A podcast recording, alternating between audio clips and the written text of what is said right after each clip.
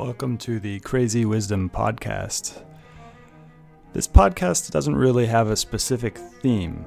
Uh, it covers a lot of my interests, it co- covers a lot of other people's interests. It goes into philosophy, spirituality, business, uh, how to live a good life, many different things. Ultimately, I don't believe in having themes for the things that we do. We can categorize the things, and obviously, we categorize things all the time.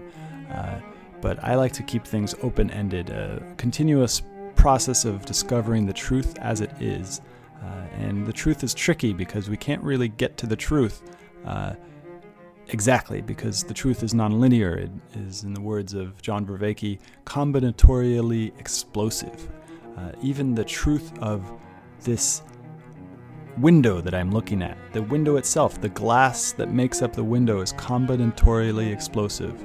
The cup that holds your water is combinatorially explosive. You cannot model that cup totally in your head. You're only getting an image of it in with your eyes and your brain. That's not the actual cup itself.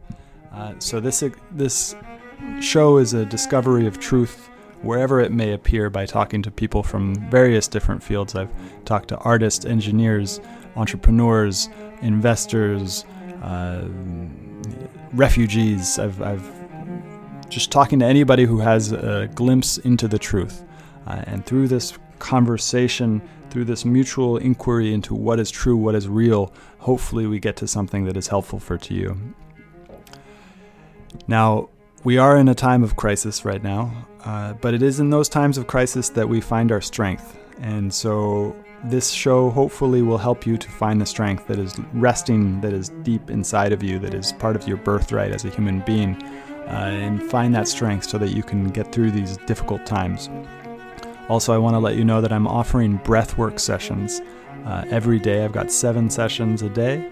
Uh, and really excited to bring this to people. People have been really enjoying it, and it has brought strength to people and courage. And, and that's my that's my goal is to help you find the courage to uh, not only survive but to thrive in the next couple years, maybe because this virus is not going away. Um, it, it, usually viruses come in waves.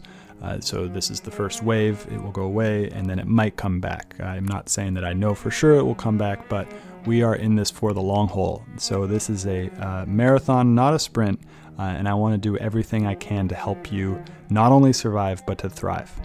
Uh, so. If you are interested in that, please find me on Twitter at Stewart Alsop III. My DMs are open. I'd love to hear about what you think about this show. Uh, also, it'd be very, very kind of you to both subscribe to the show on Spotify, Stitcher, uh, iTunes, many of the major pot plat- platforms. And if you're really feeling generous, go ahead and give a review on iTunes. So join me for the breath work. Just send me a message on Twitter at Stewart Alsop III with your email, and I'll add you to the email list where I'm sending out emails for the schedule. Uh, hopefully, see you there. Have a great day. Welcome to the Crazy Wisdom Podcast. My guest today is Wade Townsend. Uh, he was a he is a formal former professional baseball player. Uh, is currently a poker player, and I don't know that much about him, uh, so we are going to find out more. So, welcome to the show. Hey, man, how's it going? Yeah. So we were just discussing how uh, the pandemic didn't really uh, change your uh, life in any way because you're playing poker. when did you get into poker? I got into poker in 2005. I, uh, I, I went. I played baseball at Rice University and was a three-time All-American and won the national championship. And I was the first-round draft pick of the Baltimore Orioles in 2004. And and during that summer, like I got drafted in uh, June, and then they didn't really negotiate well, uh, and so I was just sitting around all day. I had nothing to do, and I started playing poker for fun and for like very small stakes and uh, I'm pretty competitive. So when I initially when you start playing poker, you you pretty much lose all the time, and so that bothered me. And I was like, well, I'm going to try to learn how to do this well, and it's just been uh, growing since then. And I realized after a while that, um, wow, this is real money. You know, I'm starting to make significant money here. I could live off this if I wanted to, in addition to the money I made from baseball. And uh, and then it really took off. Like I had Tommy John surgery and a couple of other arm surgeries. I was a pitcher, and I had um, nothing to do for you know eight nine months a year a year at a time basically so i'm sitting at my house in florida at this point because I, I then I, I also got drafted by the tampa bay uh, devil rays the year after i didn't sign with the baltimore orioles which is a long story I got punished for going back and getting my degree, which is absurdity. But I mean, I paid my own way to do. It. I'm the only I'm the only person both smart and dumb enough to do it. Okay, uh, and I've never used my degree one single time. Which I was just getting it because I was like, you know, I went to school. I was going to finish early, which is I don't know, pretty hard to do when you're playing baseball. And I had one semester left, so I paid my own way to go back to school and finish. And because of that, Major League Baseball ruled that I couldn't sign with the Baltimore Orioles. I was like, okay, well, you know, they had already pissed me off anyway. So I was like, no, screw them. And uh, so I go back in the draft the next year. I get drafted by Tampa Bay Devil Rays, and I sign with them. And I go uh, to Florida. Then I have all my arm surgeries, and I'm sitting around playing poker. And I got started getting very good at it, making significant money, and then traveling to other countries to play poker tournaments. And this like, and that was the beginning of the end of baseball for me because once I got a taste of like freedom, you know, yeah. like do I do I want to do I want to go sit in a bus all day and put my brain in the trash can for eight nine months on end, or do I want to go you know somewhere exotic and seduce beautiful women and you know I have pretty good money at this point in my life and it's like okay well this is pretty much a no brainer for me. Uh, so I, I ended up kind of just flaming out and choosing poker rather than baseball. That's fascinating. I imagine the uh, the organization and the bureaucracy involved with playing baseball was also an aspect in that decision. Uh, they made it miserable. Like I came out of a college that uh, was a very good academic school, and we had a baseball coach who was, was the first person that really opened my eyes on how to think. You know, there's always that one person that like starts it for you, if you know what I'm saying. Yes. Uh, because yeah, because there's, I mean, you you come into life with with a natural intelligence that you may have a bit higher than other people, and I was naturally smart. But was first coming into him, he showed me woke me woke me up in a way that was like, listen, this is your fault, you know, no matter what it is, this is this is on you. Like, okay, well, once you accept that responsibility, that's the start of that's the start of a wonderful yeah. existence, in my yes. opinion. Yes. And and so I go dealing with him, who is uh he's he's well read, polymath, he's a genius. He gives me huge freedom to take care of myself and to and then I get into professional baseball where they run it they run it like a, the military in 1940. You know, you got to be up at 6 a.m. And I start I ask him, guys, we don't play baseball at 6 a.m. Why are we here practicing? Makes no sense. Like you know, I want to sleep. Like I naturally stay up late. It's just how I am. It's why are you making? You wonder why I get hurt so often. It's because I don't want to be here. I can barely keep my eyes open. And so it's like, I mean, obviously I butted heads with these idiots because I'm, I'm stuck around people that are in, honestly stupid, I mean, dumber than I am. And I'm used to pe- being around people that are smarter than I am. And, uh, and so I really, I really hated it. And they were, you know, they were trying to tell you what to do all the time. And it's like, as soon as you tell me what to do, I, I pretty much quit on you. So it's kind of what happened. Was it the coaches or was it the other players who are, were like, and it sounds like they are smart in in some senses of the word, but probably not smart in terms of uh, I don't know emotional intelligence or um, relating to people.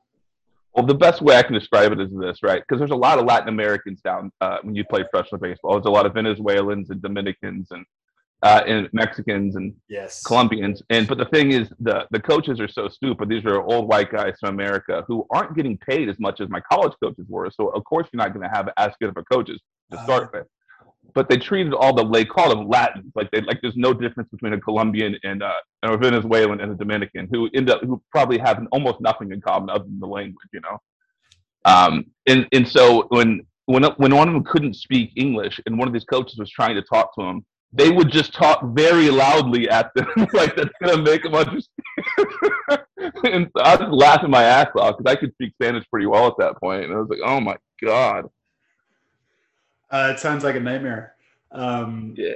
Like that, that you just described my nightmare. And I never got into sports. I love playing sports. I love playing basketball, but I, I, I never was good enough to, to uh, go into any sort of professional way, but I know it. I know that, that type and it, it's just, it's uh, boring.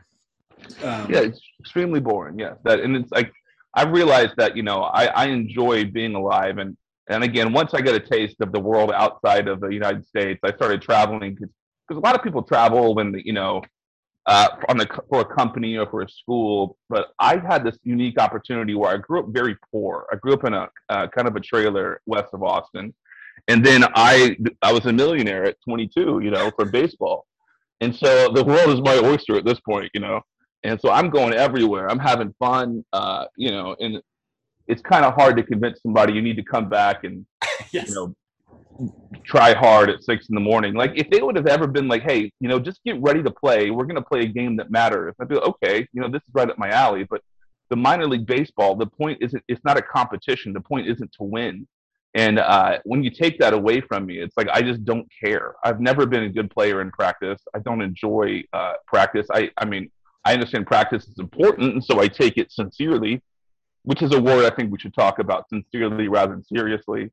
Uh, a lot of people use the word serious when they should be using the word sincere. So, you, so you'll see people out there taking it real serious in practice and they're at, they're not actually doing anything. They're just trying to make it look like they're doing something. And I was the opposite. I would just kind of screw around a little bit, but when it was time to do stuff, would, we had hundred percent of my focus and effort in it.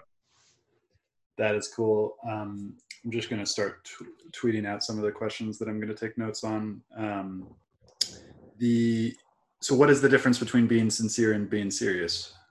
Well, being serious, being serious is an act mostly.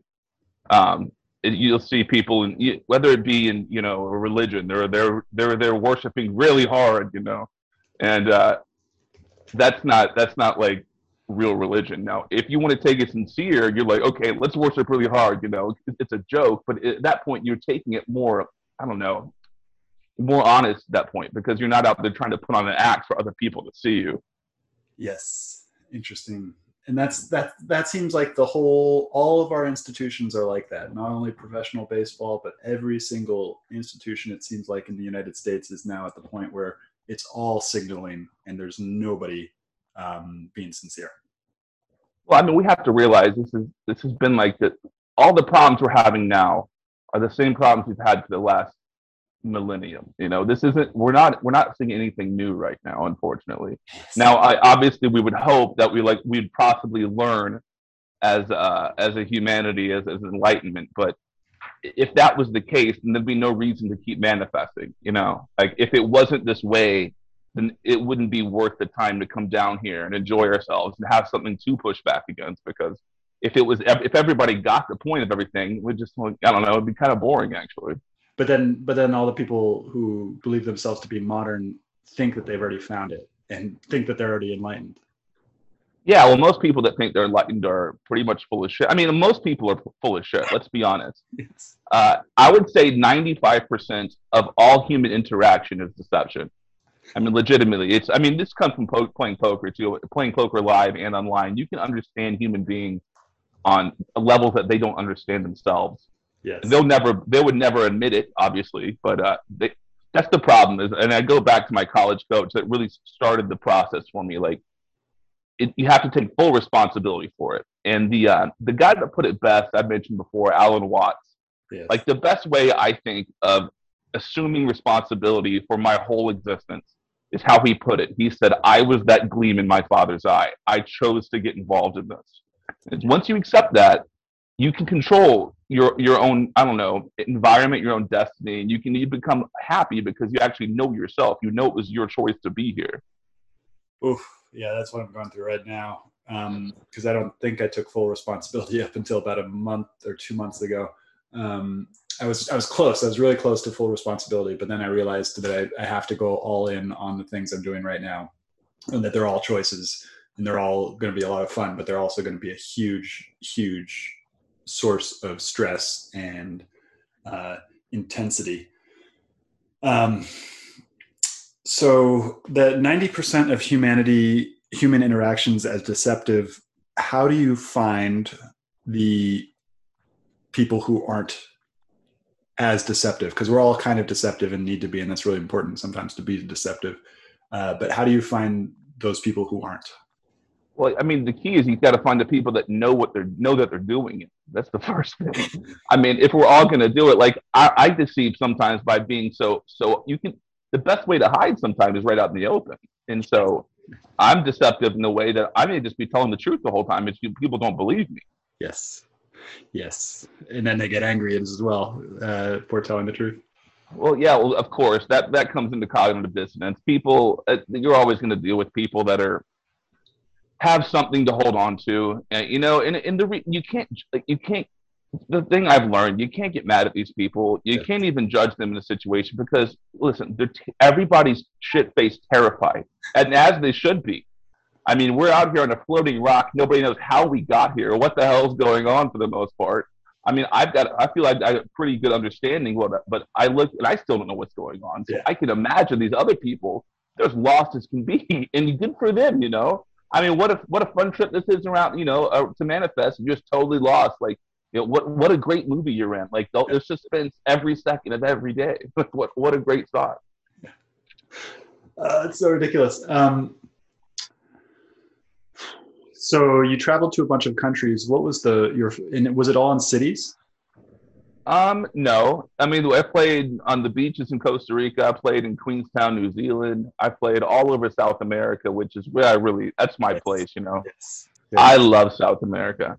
One place I haven't been is Brazil. It's strange. Oh. I've been to like, I've been to most of the other countries. I've been to Uruguay and Colombia and Peru a couple of times, and Chile, Argentina, uh, all to play poker. And I, I, I realized a couple things. Being uh, a white guy down there really helps. You can get laid pretty quickly. It's pretty fantastic, you know.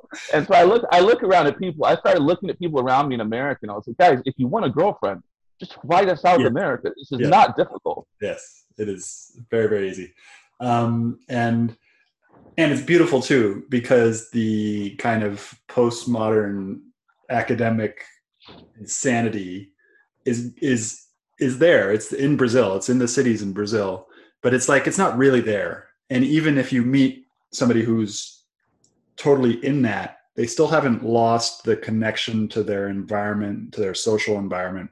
So people are generally happier.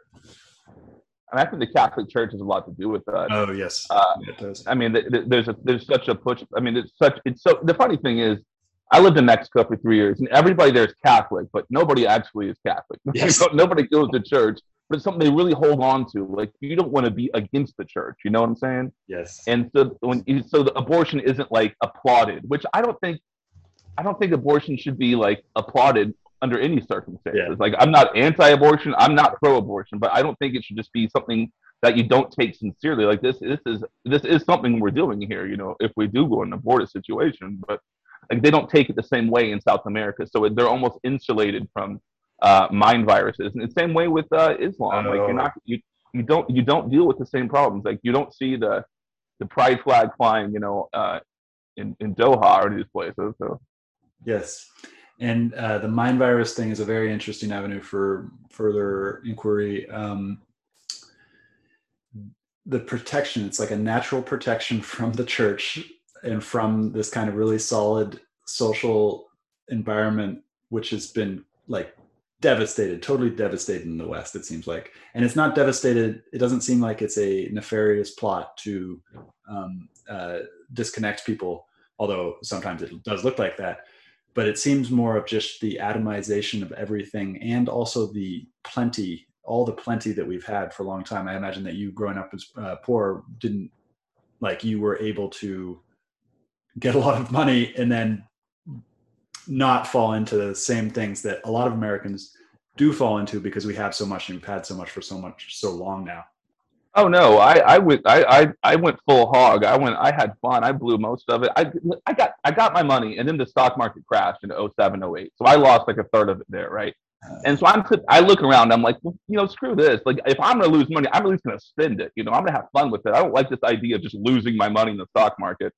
Uh, and so I think it was actually a blessing in disguise for me to like get hit like that. Because then I, I know how to treat money differently now. And now I went through the whole thing of blowing my money and getting some back now. And then I, I understand that whole, the whole process of what money is like. Um, so you see a lot of people that go out there. The idea of a rich person, extremely rich person, going back to work the next day, I don't understand it. I just do not understand it.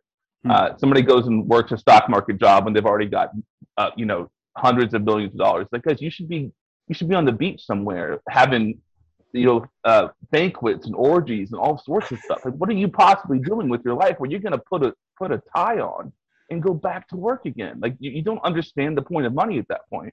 But there's a there's a there's something there's a difference between that type of work, putting on suit and tie, entering these false um, uh, congregations of secularism, and then there's the enjoyment of the craft and uh, kind of the the just like building something of value, which I yeah, we'll talk. Yeah. We'll say Elon Musk. We'll use him as an example. He's taking his money and he's building something that he finds enjoyable with it. I under I understand that. I applaud that. Not that he's a perfect guy or anything like that, but yeah, it's the idea of if you want to use your money and build something and do something with it, that's fantastic. But just going and keeping your corporate job just because you think that's what you're supposed to do, you're going to wake up when you're 45 or 50 or 60 or 70 uh, and you're like, man, I, I really cheated myself out of life. I mean, I had this opportunity to do all these things and I didn't do any of them. And I think for those people, it's often just like a lack of imagination because along with the, the, the, the congregations of secularism, uh, that secularism thing really, really, it's like, it's like faith disguised as skepticism. Um, and then it destroys all these beautiful things that as we as you were talking about th- these problems that we're facing are thousands of years old. And those problems need some imagination eh, but we've destroyed it in our in our society. Like the imagination is, is gone because it's almost too scary for most people to imagine things. I think that comes from academia and how they teach you to write. They try to beat the word i out of you and they try to take away the concept of self-evidence in the in the sense that you know I if I see something, I can't say oh I know it's true unless it's documented by you know so many other people. It's like well I just saw it with my eyes. I know this is what happened. You know I know this bird is talking to me, like literally talking to me. It's flown up. It's staring me in the face and it's making noises directly at me. Like okay, I see what's happening.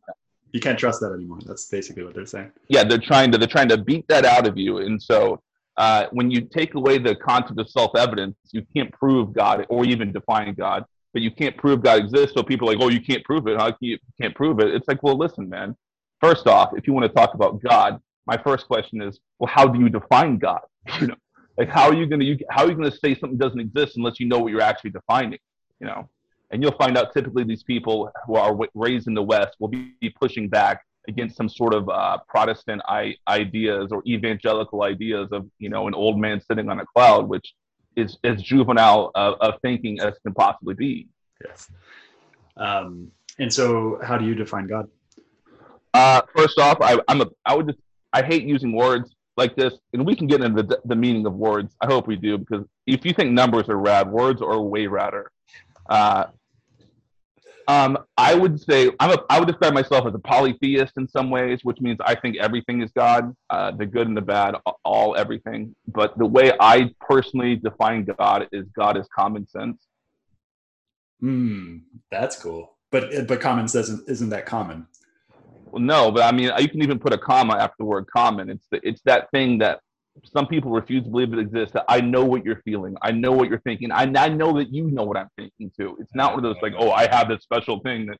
I mean, I, it comes from to me. It comes from relationships with animals, specifically dogs and other ones that like I know this dog and me are connecting on a real level. What is that? You know. Uh, and then, well, particularly for the dog aspect, um, what do you, what do you think about neutering dogs? What does that do to them? I mean, I think it's smart. Uh, as far as uh, what it do, does, does to a male dog, obviously it's going to make it less aggressive. I think in general it's smart to do because I mean, as I mean, you can even describe it as a Buddhist way of thinking. Like if you don't do that, you're bringing in a lot of suffering into the world because a lot of dogs are going to be put in a pound and they're going to oh. be, you know, gassed out. And so if you don't, if you, I'm a big Bob Barker fan, have your dog, have your pet spayed or neutered. You know, I think that man was ahead of his time not to mention, you know, surrounding himself with perfect 10 models, you know, that was fantastic also. Uh, but yeah, I think you have to have your dog spayed and neutered. And I, you know, we have, it's not like we have a shortage of dogs, you know, we got, we got yeah. plenty already. I, and I, that's, that's something that didn't even occur to me was the fact that he's going to go out looking for females. Um, and I think he's already doing that. Uh, uh, and then it's the responsibility for him impregnating a bunch of females. Uh, that's the issue. But I was thinking in terms of his natural abilities uh, as a dog herder or as a as an animal herder, or just like in general. Uh, what do you? if he's if he's grown up, it depends how old he is. Like if he's already got his shot of testosterone from them, he's got everything he needs. He doesn't need. I mean, he doesn't need to continue. Uh, Oh, to continue to have that. I mean, once you've had it to a certain thing where it's an adult dog at this point, he's probably good to go. oh, that's why they wait. Interesting. Okay, so there's a certain point that I'll wait till until then, and then get him neutered, basically. Yeah, I mean, I would suggest that. Yeah. Okay, so we got animals. Uh, what What do you think? Have you ever had a herd of animals before? Um, just cats and dogs, just cats and dogs and wild animals too. But I've never had uh, sheep or goats or anything like that. I mean, I grew up around cows, and so I understand them pretty well. Um, but it wasn't until I mean I can even tell you what happened was I had a different relationship with animals until I was in Cabo San Lucas. I lived there for two years, and this uh, stray dog just shows up, you know, in the middle of the night, who's got this chain around its neck that's been broken. This dog is starving to death, and yada yada. This thing is gnarly too, like Yeah. it's scary looking. And we nursed this dog back to health, and she is the best dog. She's so goddamn smart, you know. She's unbelievable, super deep. I mean, deep emotion. Uh, you know, really having to build trust with the dog that's been severely abused. Yeah. And uh, they had we, we were leaving Mexico, and it's like we have a choice. We can either turn her over to the pound or uh, let her go and see what happens, or find a way to get her back to America. And that's what we did. We brought her back here to the farm I live on, and she lived here until she died. That's cool. Um, so you were living in Cabo San Lucas. Why did you choose Cabo San Lucas? Do I need to explain? I mean, I, the reason. Oh, okay. They made online poker illegal in America in Ah. 2011, and so to play on PokerStars, which was like the only site that really mattered, you had to leave the country. And that was the first because they, they shut it down. Everybody was like, "Oh no, this is all over," and I was like, "Wait, I got to find a way around this now," you know. Mm. Um, and so I'm like, okay.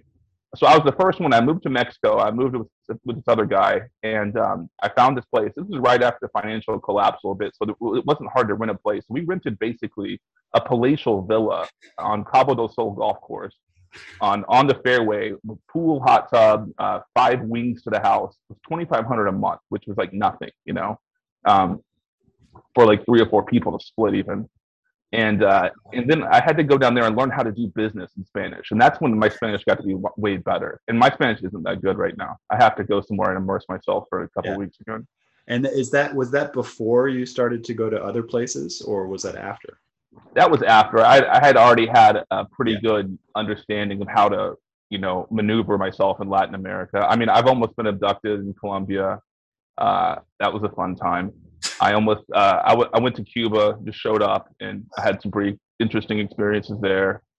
Um, and so I learned how to like maneuver myself, and I, and I understand Mexicans. I'm from Texas, and I've been around like because when I was playing baseball as a kid, I was mostly around Mexican kids because Yeah. they they understood me. You know, we we understood each other. We're from different cultures, but I wasn't like a snobby gringo. You know, Yeah. so I knew we were poor, so they accepted me, and I really learned how how the Mexican culture specifically thinks, and I know how to maneuver in Mexico because of that. And so I I really trust the Mexicans as a as a culture, and I get so much of it in Texas because Texas.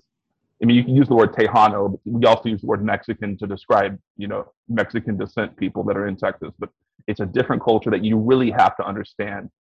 And uh, funny thing is, you see politicians these days use the word Latino. Like, there's nothing more offensive than lumping all Spanish-speaking brown people all together. These Mexicans are convinced that they're, you know, a higher echelon compared to the Guatemalans or the Hondurans Yeah, or whatever it may be. Yeah. And so you're actually offending them by using these words.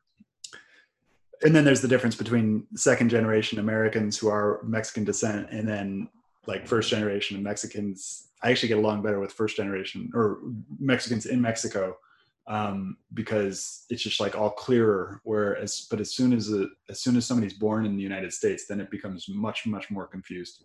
Um, particularly like entering into that academic thing we were discussing about like oh but i identify as this and then there's that identification and it's like and it's just so confusing for everyone involved and there's so much language which like mexicans in mexico don't give a shit about um, and uh, and it's it's beautiful going there. The other the other thing about mexico is really interesting is that it you cross that border and it does have similarities to Colombia and El Salvador and Ecuador and all these different places, but there's something really unique about Mexico, and I think it has to do with the Aztec Empire uh, and just like how much of a civilization there was beforehand that makes it significantly different from places like Colombia and Brazil, um, which are other kind of big countries and stuff like that. What do you think of that?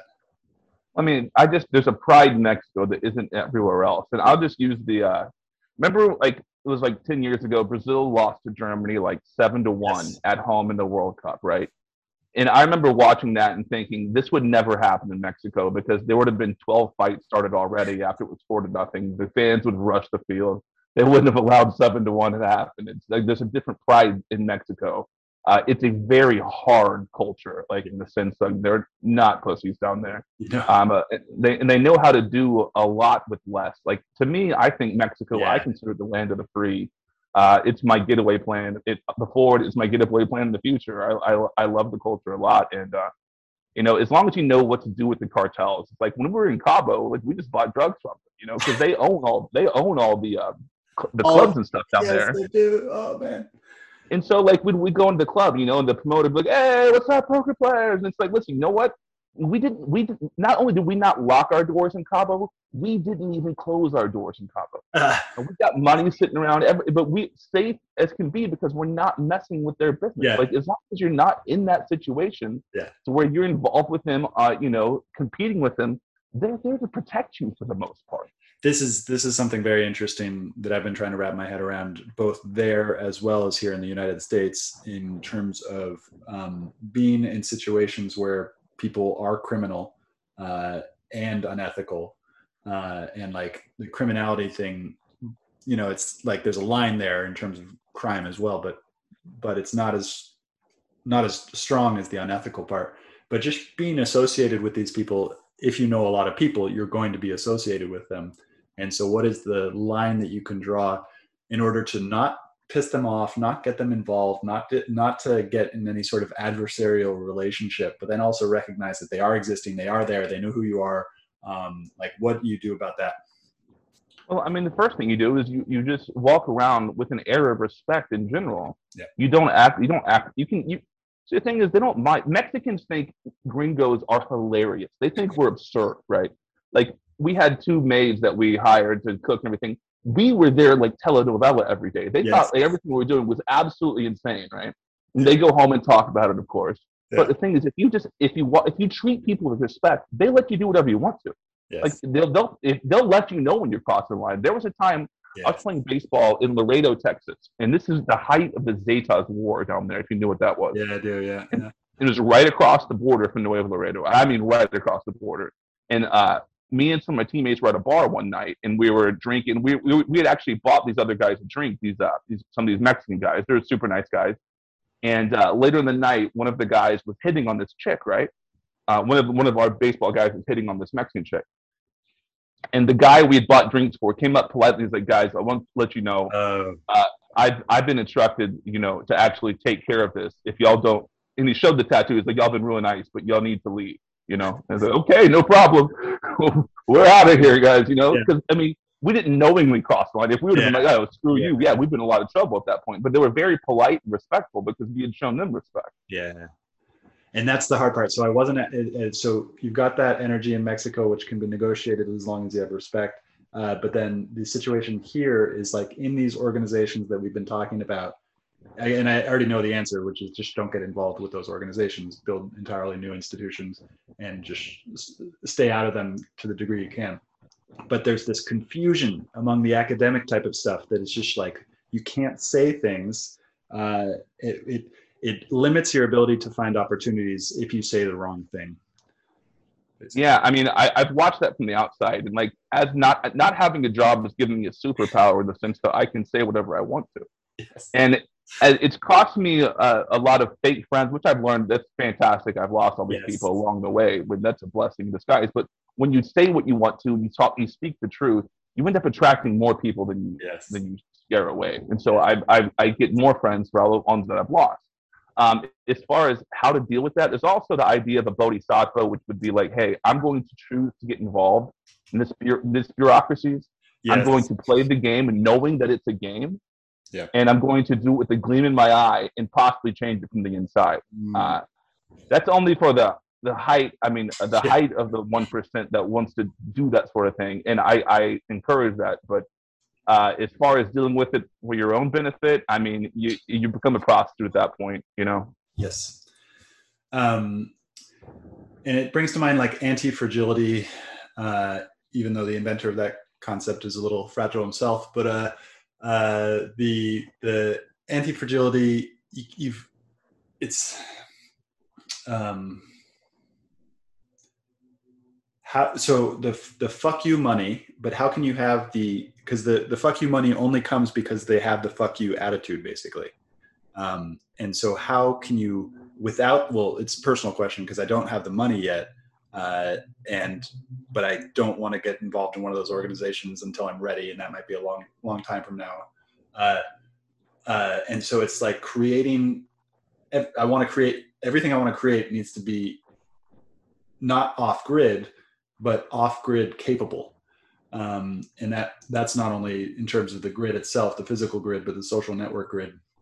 Um, do you have any advice or um, things you could say about this becoming starting from scratch basically interacting with the system but not becoming dependent on it. Well, there's no such thing as fuck you money because they'll find if, if somebody really wants to take you down they're going to take you down. Ask yes. jfk ask all these people these, these oligarchs in russia that putin has taken down throughout the time. I mean the money itself doesn't insulate you. It's it's that it's it's some people have almost a force field of power around them where people uh, i mean oh. i'll use i'll even use trump as one. I mean people say oh we're going to get him. He's like well come get me you know? And just like that attitude it keeps people away from you somehow. Yes. and uh yes it's it's it's a mindset more than it's the money. And yes i think having that mindset sometimes does enable you to make a lot of money. Uh, i personally wish i would do something more but like I mean, as far as me and my lifestyle, I just enjoy my lifestyle so much. I don't care about making, you know, millions and millions of dollars. It just doesn't doesn't like. I mean, and I think eventually it's going to that whole attitude I have. Something's going to just show up at my door where I make millions of dollars doing it. I don't know what, when, or how it's going to happen, but I just think it's going to happen. Um, in the meantime, I'm just going to keep waking up when I want to and exercising when I want to and it, it, building what I want to around me. And eventually, you know, something just shows up at your door. Yes, interesting. And I was on track for that lifestyle uh, but then have become I invested too much in cryptocurrency, and I, I mean I, I did I did an excellent job, uh, in, but then I didn't. I got a little bit greedy, uh, and uh, and so I was on that pathway, and now I'm on a different pathway because I now need to. I have like all I have been tied down with assets and the animals. Animal part is beautiful, and the land. The land and the animals are both requiring a lot of resources uh, and so now I'm in a position where I need to actually grow the resources, but not to a huge degree, but I need to actually set myself up so that everything's self sustaining and paying for itself. Um, and then I look forward very much to that time when I can do exactly what you're doing, because that is, it's such a beautiful sense of freedom to hang out on a mm. beach, go surfing every day, uh, and only do the what you really need to do in order to make those things flow. Well, I don't. I mean, I live in the woods over here because I enjoy the woods. You know, yes. if I wanted to live on a beach, I would go live on a beach somewhere. Yeah. But I, I live on land that's been in my family for 150 years, and I have a very spiritual connection to these woods. I mean, I, I kind of literally grew up out here, and so uh, I, I things happen to me, you know, that you know, I as far as animals and other things, and I would call it I would call it almost magic and dreams that come about uh, specifically about this place. And I, and I, just realized that I am literally walking with my ancestors here every day. Mm. And so I don't really, I really, I don't really care to leave that much. Interesting. Um, and what, what are your plans? Do you have anything you want to do besides play poker? No, if I did, I would do it. The only thing that's appealing to me, I'm getting better and better at growing stuff. Um, not weed, which sucks.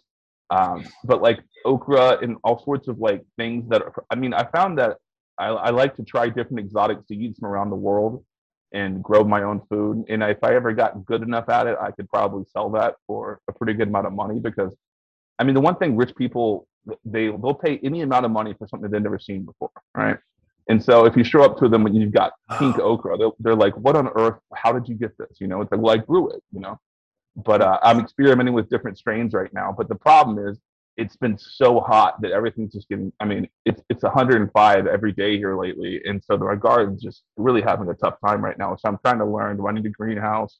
Do I need to do other things? Do I need to plant it late, earlier or later? Have you heard of the shade cloth? That putting just shade cloth over it. Have you ever done that? No, I haven't. I have some trees in my garden, but like when it's 105, there's just nowhere to hide. Well, that's but that's you, you put the shade cloth directly over the plants. Somebody told me that recently because the same thing's happening here, uh, but it's a dry heat. It sounds like you're in a more of a humid area. Um, Maybe like the problem with the okra is they're you know five six feet tall. Oh, interesting. Um, what do you think about hydroponics or aquaponics? I mean, it's extremely interesting. Um, obviously, you can grow I don't think it's a good use of water. I'll put it that way. Oh, I mean, I mean, it seems to be a bit wasteful in that sense, but I mean, I think it's great that people are doing it. Um, as far as like, are you are you talking at all about like um, shrimp farming or fish farming, or are you just talking about plants? Uh, plants. So I'm talking about uh, getting. There's like the various setups that you can get, and it's apparently it's pretty simple of just putting the nutrients directly into the water, and then the plants feed from the water. Yeah, that's great. It's just hard to do on a on a big on a large scale to where you're going to make uh, grow enough stuff to sell. I think. Yes. Yeah. And are you planning on selling your stuff? No. Yeah. If I ever got to where I could produce it, like, because I'm still experimenting with what strains and, yeah. and what kind of exotic things you're growing. Yeah. And what I'm what I'm started doing, what's growing really well is purple tomatillos. If you know what tomatillos are, maybe yeah. green salsa. Well, if I could make enough enough purple tomatillos and start selling purple salsa, I mean, it would sell out very quickly. I think.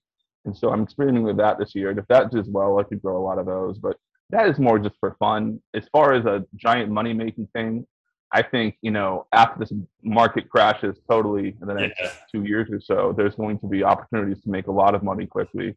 Um, and so I'm trying to prepare myself for that actually. Let's talk let's talk about that. Uh, the where are we headed right now? What do you think is going to happen? What like what are the safest places to put money right now are we is it the bottom yet? Or are we going to see the a new bottom that will make everything that's previously I, happened crazy? I think to to preface this i mean the way i was putting it on my podcast over the last two or three years and while i was like guys america has been at dinner for the last 15 years and, and we don't have any money to pay for it. We should be begging to wash the dishes. And instead we just keep ordering another round and another round and another round. Like guys we need to wash the dishes now. Do you understand what's happening?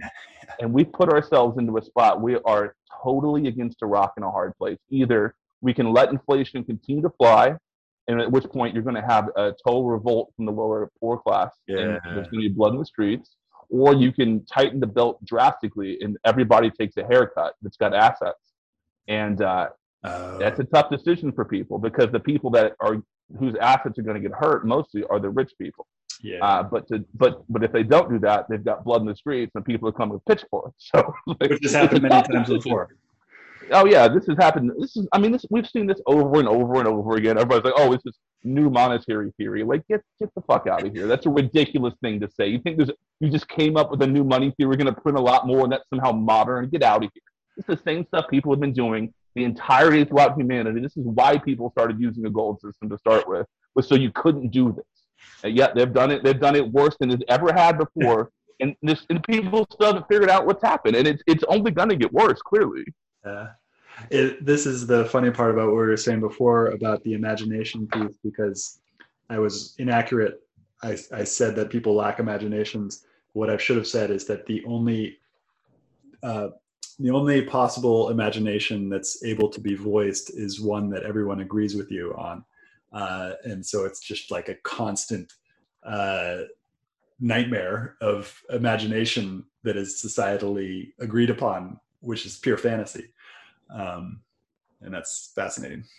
Well, I mean, what's what's interesting about it is we've been we've had these fairy tales that have been passed along through cultures that are so valuable, and uh, I think kids should study clearly study fairy tales. But the the Emperor's New Clothes is like this is what we've been doing and everybody knows that. Like and everybody everybody that says they don't they know what they know what's happening. They know that there's no there's no clothes in this emperor but everybody's going to sit there and pretend there is. And uh but the yeah, empire the emperor is decentralized. Like there's no one figure that uh that is like oh that's that's the that's the guy in charge. It's not biden. He's not the he's not the emperor. Like who is the emperor? it's almost in a Big Brother situation where nobody's ever seen him and nobody knows if he Yeah. if he technically exists. I mean, uh, unfortunately, Orwell was a bit too spot on with a lot of stuff he was writing. Yeah. And Aldous Huxley and Kafka. Yeah, I mean, um, you wonder on some levels if if they themselves manifested this. Yes. And this is something I've been thinking a lot about because I've read a lot of cyberpunk books. Um, and the cyberpunk books, I kept on reading these books and like, okay, that's the future that I have to prepare for.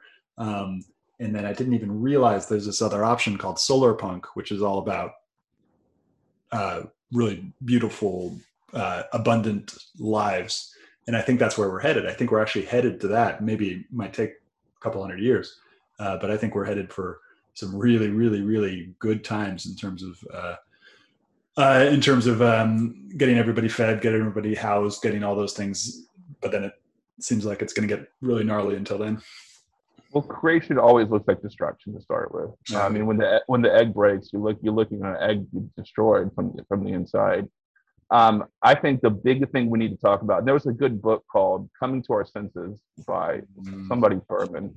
Um, and the real problem is we have a disconnect. We we've become disintegrated, disintegrated from the world we were born into, which was a world uh, being in the woods, being being one with nature. And there was this, you know, this feeling that came with it, which is why you see people have so many pets, have um, so many stuffed stuffed animals, Disney movies. These are all trying. This is all a desperate need to get back to nature because we're stuck. They stuck themselves in these concrete boxes where there is no nature. It's all gone, and so they lose this ability to understand the community Yeah. with nature. They, they they can't see a deer. They see a deer and they get scared of it. You know, when you can walk up to a deer, it's like the funny thing to do. Like try this one time.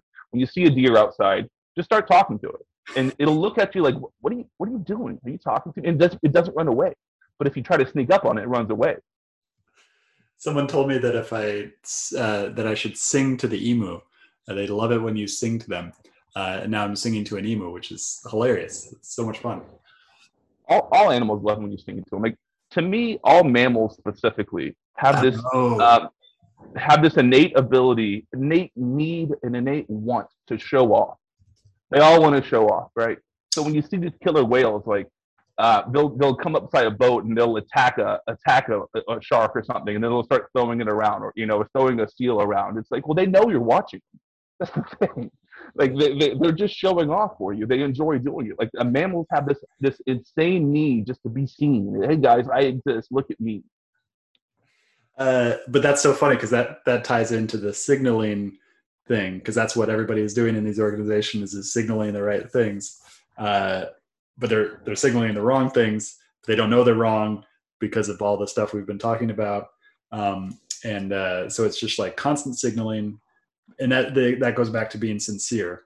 How do you be sin- sincere in your signaling? What does it mean? But that gets into the question of identification. What are we? Who am I? And those answers, those don't really have answers except for existence. Um, Well, trying to be sincere is the is yes. the is the, is the most obvious uh, insincere form of you know sincerity.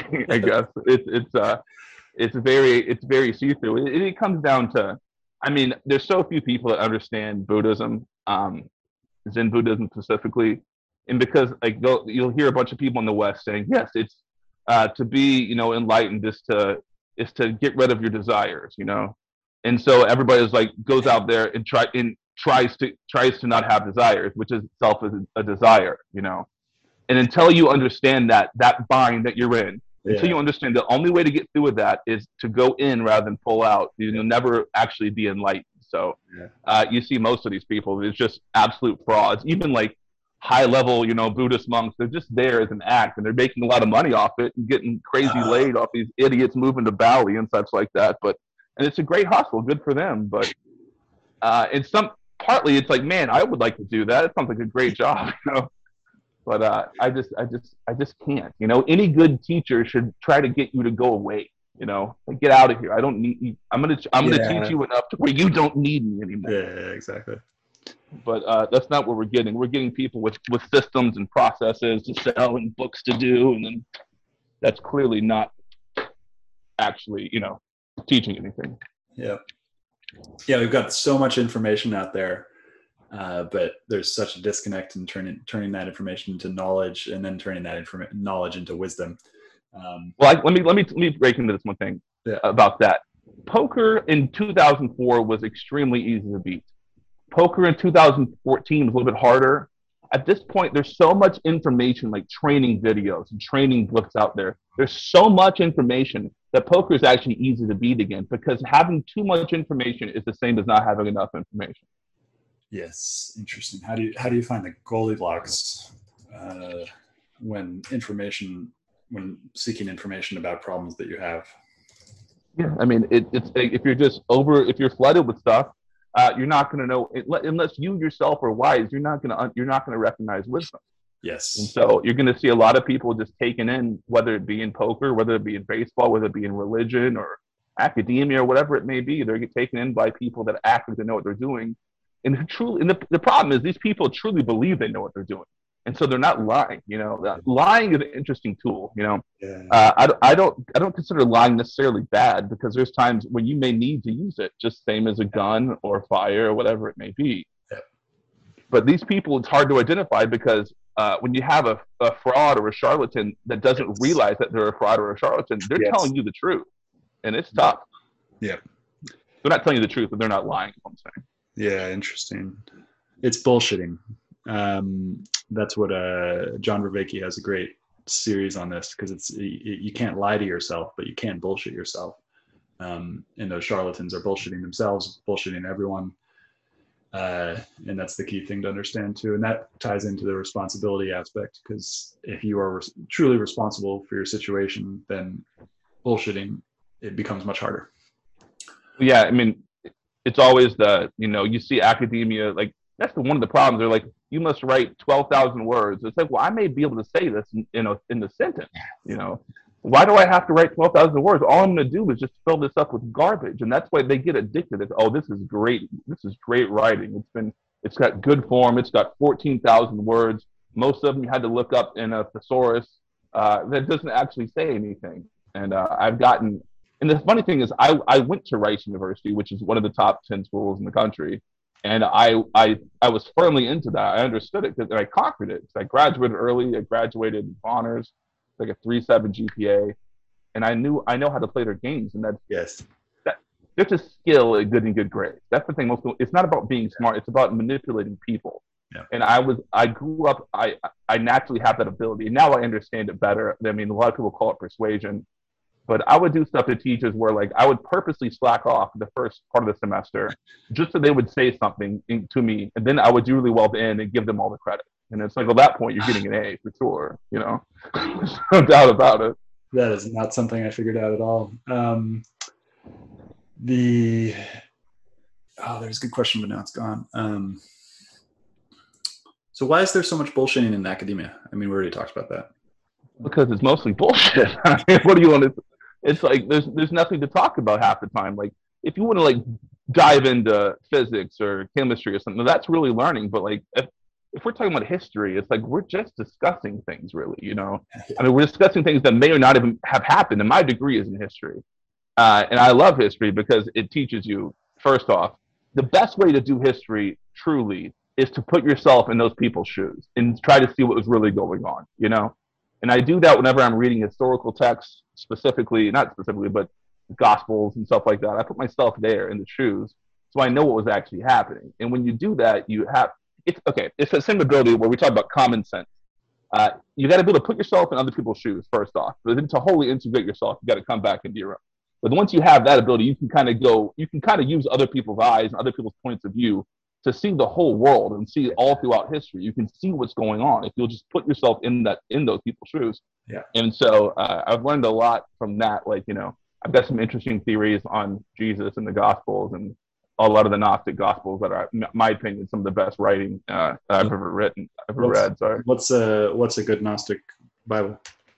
Uh, the best one, Gospel of Thomas, is straight fire. Um, the Gospel of Philip, uh, when he, they start breaking into because I came up with all these things. I, I sat here like what what poker and baseball allowed me to do was I realized one point in my life, you know, I'm full of shit. I'm I've built this life around me. People I've been surrounded by people that don't fucking actually care about me. They're just using me. and I just went basically and sat here in the woods for two or three years and didn't do anything. It's not because I was like, oh, I'm going to take some time off. I just couldn't stop thinking, you know, and I was diving into all these old texts. And just because, you know, this is what I was interested in doing all the time. And I accomplished nothing during that time other than I went through uh, what you would call Satori or cosmic consciousness, whatever you want to call it. But I wasn't trying for any of that. I didn't know what it was when it happened. I just stood outside. I stood in my back door and I just stared outside for about two days and I didn't. It's not like oh, I'm going to sit here in a trance. I was just in a trance. You know, I didn't even know what trance was. Um, and that's that was a really enlightening experience. And once I got into once that happened, uh, time has slowed down like such a tremendous level. It's insane. Um, and I kind of have the ability to understand things in a much deeper level. Um, did you get attached to it at all? Attached to it? I mean, if you like, it's like getting attached to drugs almost. Like the, the, the, the cosmic experience is very similar to doing mushrooms or doing ecstasy. It's not quite the same. It's a little bit better.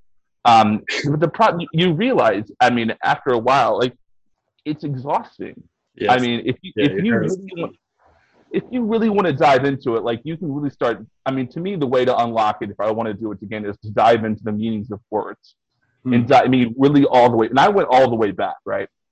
and I hope we can talk about language a little bit some. And I, let's start now, right? Yeah. Um, we start using these words like love and faith mm-hmm. and truth and God. Uh, all these words don't have a definition. You know, I mean, you may try to define it, and many poets have. Obviously, I know there's a definition in the dictionary, but you can't tell somebody what love is. It, it, it doesn't have a definition. Like you can tell somebody what a tree is because there's a tree every time. You know. Um, all these words I realized had to be people's names, right? And let me explain this to you. If I was to call you Einstein, if I was like, okay, Einstein, I'm either calling you very smart or calling you dumb, obviously, yeah. right? The word Einstein before the existence of Albert Einstein was meaningless in yeah. that sense. Yeah. And so somebody came around that evoked these kind of feelings and emotions uh, that signify these words. So it's my opinion that there was in in different forms or different languages, somebody's name was actually love back in the day, and like that's that's the word that got a, that got attached to the way this person made people feel. And uh, I think Wick- Wittgenstein dove into it. Like I didn't catch on to Wittgenstein until after I, I started thinking about these things. Um, and he realized that words are coins for things, obviously. But I don't think no anybody has come up like where these things actually came from. I think they had to be people's names. So, and if you notice, a lot of people are still named Faith and yes. and art stuff like that. I think the okay. the name Lovelace came to came to mind. Lovelace, uh, I think one of the first programmers, uh, and um, it makes sense given the um, how some people's last names are Smith. Um, so you know that was probably the blacksmith, um, and then they just got named Smith.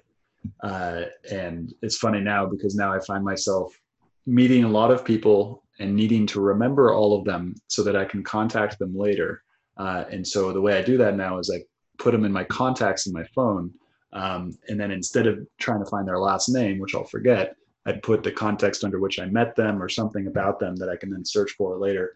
And so I'm r- running it. I'm like now got a whole bunch of contacts with really ridiculous names like um, person of the van or uh, person of the plant or plant people or all these types of things and that's how things get named it's not through this like intentional process of just like oh i'm going to name this thing because it will be beautiful and i'll think it all straight and everything like that it's like uh, i'm in this two seconds like i gotta put this, shit down and then talk to this person and, and it all just comes out strange yeah, I mean, absolutely. I mean, in this, I, my my ancestors are all uh, Nordic Viking, and uh, the thing about like Eric the Red, it's because he got red hair. You know, it's just like, I mean, it's beautiful stuff like this. Like we we put, we don't put ourselves in that in back in time. Realize this isn't like he's not red because he's angry. It's like it's just hair obviously. You know, this isn't hard to figure out. Like, uh, but we as a society, specifically our academics, our linguists, have are, are so off base with what what language is, what words are,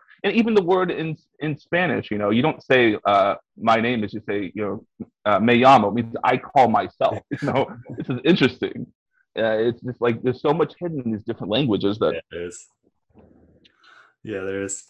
Okay, so uh, last five minutes left. What uh, what is your podcast? Uh, it's the Wade Townsend Show. I haven't made it a an episode in probably six months because I'm just too jaded on the way the world. Like my only suggestion to people. I mean, I try to break down current events, but like my only suggestion to people is get out of the cities, be as self sufficient as possible, um, and prepare for what's coming because it is coming. You know, it's coming, and and and it goes back to the same discussion we've been having this whole time. Is that when there's bullshitting involved, it's really easy to de- deny things that are happening. Uh, but then if you don't deny that those things are happening, everything makes a lot of sense. I mean, there's a lot of potential for confirmation bias, for, um, I imagine, for both of us for um, preparing for something to happen uh, and then seeing that happening everywhere. But my intuition is telling me this, this, this is coming, so I'm preparing as best I can. Uh, I mean, I don't grow. I don't grow a garden because I may need food when when society collapses. I do it because I enjoy it, which is uh, the only key to life. Is you do things because you enjoy them, and when you yeah. have that skill, I have the skill of being able to. I know how to go to any body of water and catch a fish. I know how to do it. It's because I enjoyed doing it when I was young, and I know I have the ability to do it still. Yeah. And as Watt said, all true enjoyment comes from disciplines. And that doesn't mean, you know, flogging yourself. Discipline is like sailing or fishing or something like that. That is a discipline. Uh, uh, so learning how to do something, that, that's where true enjoyment coming from. Discipline does not mean self-denial. Self-denial is a, is a way, again, of uh, is, is flogging yourself, like trying to get, you know, you know, trying to get Jesus' forgiveness or something, you know, it just doesn't make any sense to me. And that brings in this enjoying, enjoying the preparation um, and it's fun. But it's funny because I I do I'm starting to enjoy all these different things that I feel have been uh, kind of given to me uh, in a very overwhelming way. But now I'm starting now the third year I'm starting to finally enjoy it.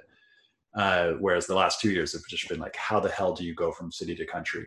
Yeah, I had the same thing. I didn't know how to. I had to. I had to learn how to use a chainsaw. Learn yeah. how to use a lawn. All these things were it seems so basic to people, but like until you understand how a chainsaw works and what it does and the power that it has, you know, you can yes. cut your leg off real quick. Like this is kind of terrifying. Yes. But once you start mastering it, like man, it's, it's there's nothing more fun than cutting firewood. It's like yes. maybe the most enjoyable experience there is. It's so yeah. it's so like primal.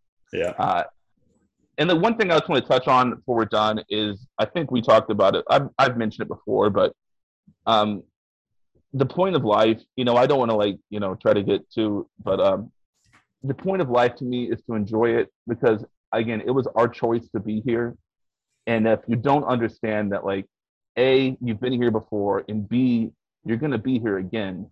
Uh, and the reason for that is if, if when you're god right which we are all god when you're god and you have the ability to know and see everything it's very boring because you know how the end comes. The only the, the beauty that existence is is death because you forget everything and you get to learn everything all over again next time. And sometimes a little bit comes through between lives, obviously. You may remember something as a child. You may have the feeling you've like, I've been here before. It may be something like that, intuition uh, that does pass through. But if we didn't forget and if we just live forever, uh, things would be very, very boring. And yeah, so don't forget, it was, it was your choice to be here. And once you understand that, life becomes an amazing spectacle every single day. yes, it does. Uh, especially at the wellness carnival known as the Goat Factory, uh, which is oh yeah, almost almost online. Well, actually, no, it is online. Anybody can come and send me a message if you want to come stay at the Goat Factory. Um, well, thank you so much for coming on the show. And uh, find Wayne Wade Townsend on Twitter at Wade Townsend Man, uh, W A D E T O N T O W N S E N D M A N. Um, anything else you want to talk about? No, that's pretty much it. I mean, it's kind of hard to cover everything in an hour, but we did pretty good. Yeah, we'll do another one. No problem. Yeah. Hope you enjoyed this episode. I'll be publishing episodes every Monday, Wednesday, and Friday in the morning. If you did enjoy this episode, please find us on iTunes, Spotify, Stitcher, many of the major podcasting platforms, and go ahead and give us a review and also subscribe. And as always, I'm on Twitter at Stewart Alsop III. Come join the conversation as we aim towards the truth. And the funny thing about truth is that you can't can't really put it into words because every time you put the truth into words, you create a linear narrative out of something that is nonlinear. The truth is nonlinear. It's not. It's. It's. If you really recognize the truth right now, your mind wouldn't know what to do. It'd be overwhelmed by beauty, pain, or it's. It's something that is beyond our linguistic capability to represent but that doesn't mean that the language isn't helpful. Language can point us in the direct right direction, but it's it's not it's not the truth itself. And so come join this collective inquiry into the truth. Find me on Twitter at Stewart Alsop III. Uh, subscribe to the podcast. Share the podcast with your friends. Uh, most people don't have the ability to let go of this linguistic understanding of the way that the world works and just aim for the truth, regardless of what the language tells us.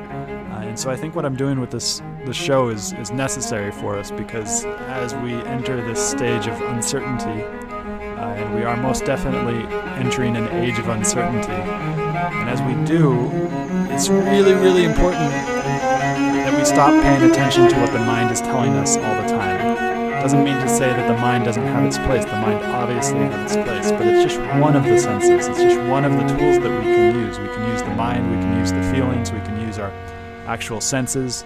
Uh, we can check our intuition with other people because sometimes the intuition tells us the wrong thing as well. Sometimes the intuition is wrong. So it, we can't we can't rely on any one tool to get us there. So come join the show. Find us on iTunes. Find us on Twitter at Stewart Alsop III, uh, and come join the, this inquiry for truth.